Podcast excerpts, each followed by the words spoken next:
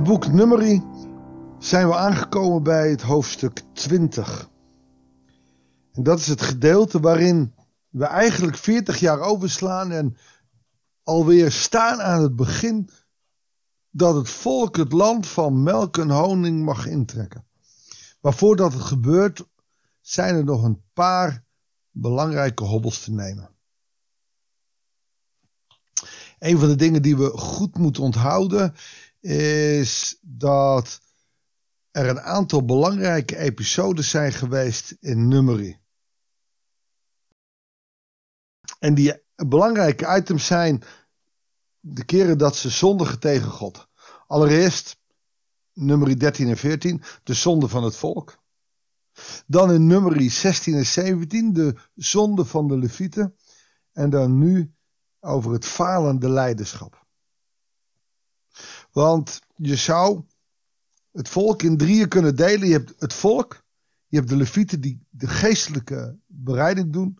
En dan de leiding, dat is Mozes en Aaron. En in alle drie de fases kun je de verkeerde kant op gaan. De zonde van het volk, dat is algemeen bekend. Ze mopperen en ze klagen. Dat zullen we vandaag ook zien. De Levieten hebben we gemerkt. Nummer 16, waarin ze tegen Mozes in opstand komen. Mozes het aan God overlaat. En God laat de Levieten die mopperen sterven. Oftewel, de aarde scheurt open en ze worden opgenomen in het dodenrijk. Maar nu, nu komen we bij nummer 20 aan. En nu gaat het over een falend leiderschap. Laten we maar gauw gaan lezen. Goeiedag, hartelijk welkom bij een nieuwe uitzending van het Bijbelsdagboek. We lezen nummer 20 vanaf vers 1 tot en met 13. In de eerste maand kwamen de Israëlieten, het hele volk, in de woestijn van Sin en ze bleven lang in Kades.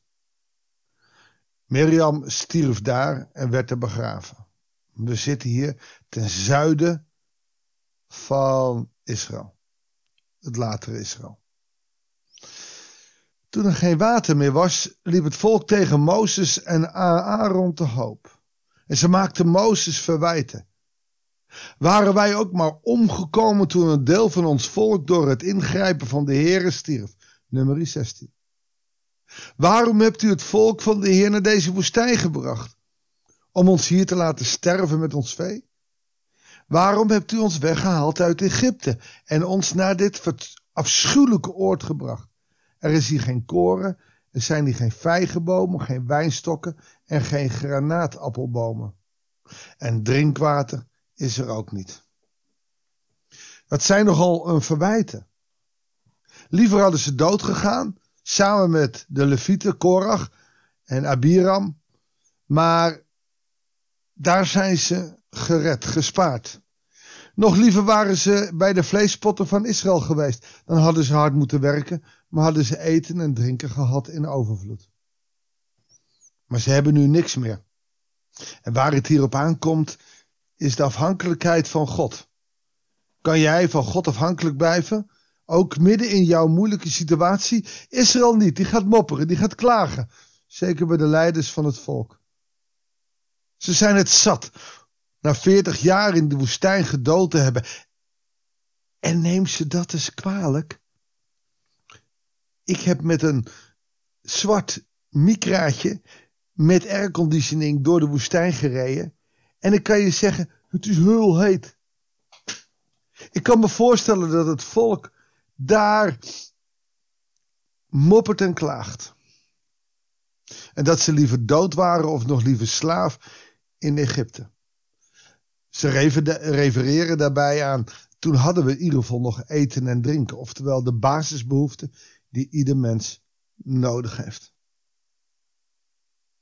Mozes en Aaron verwijderden zich van de gemeenschap en gingen naar de ingang van de ontmoetingstent.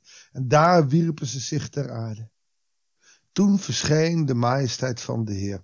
En de Heer zei tegen Mozes: Neem de staf en roep met je broer Aaron de Israëlieten bijeen.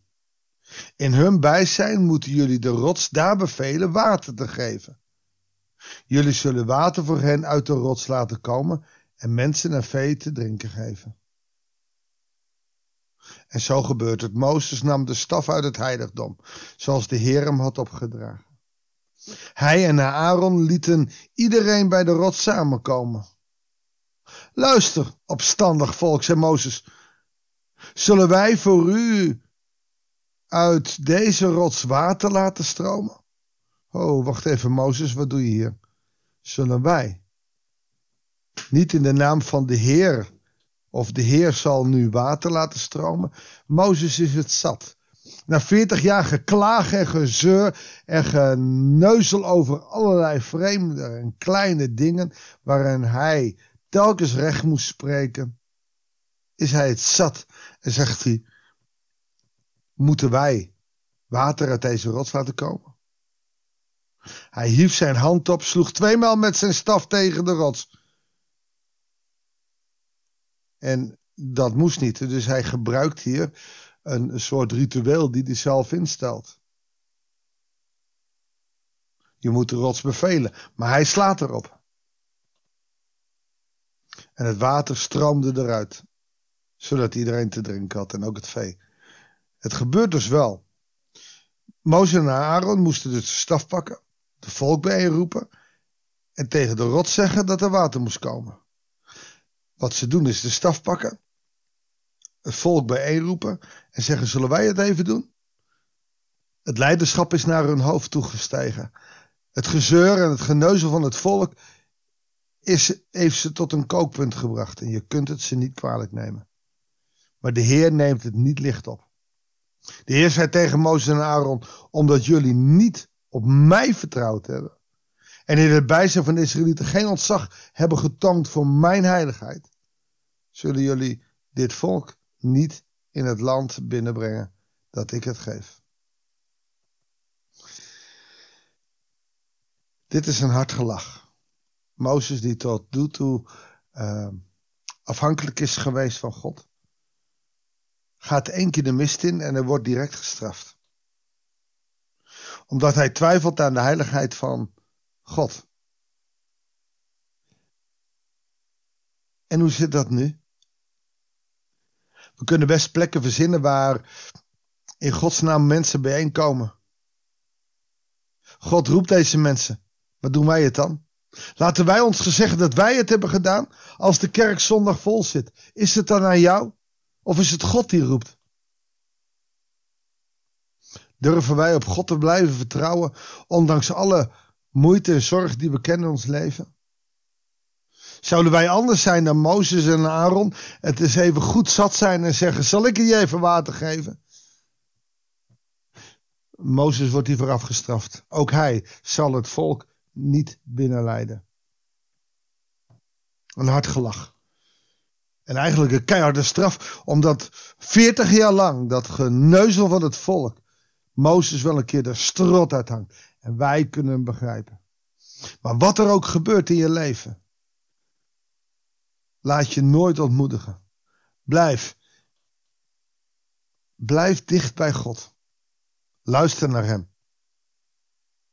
Dit water, wat hier uit de rot stroomde, was het water van Meriba, waar de Israëlieten de Heer verwijten maakten en Hij hun zijn heiligheid toonde. God is een geweldig God.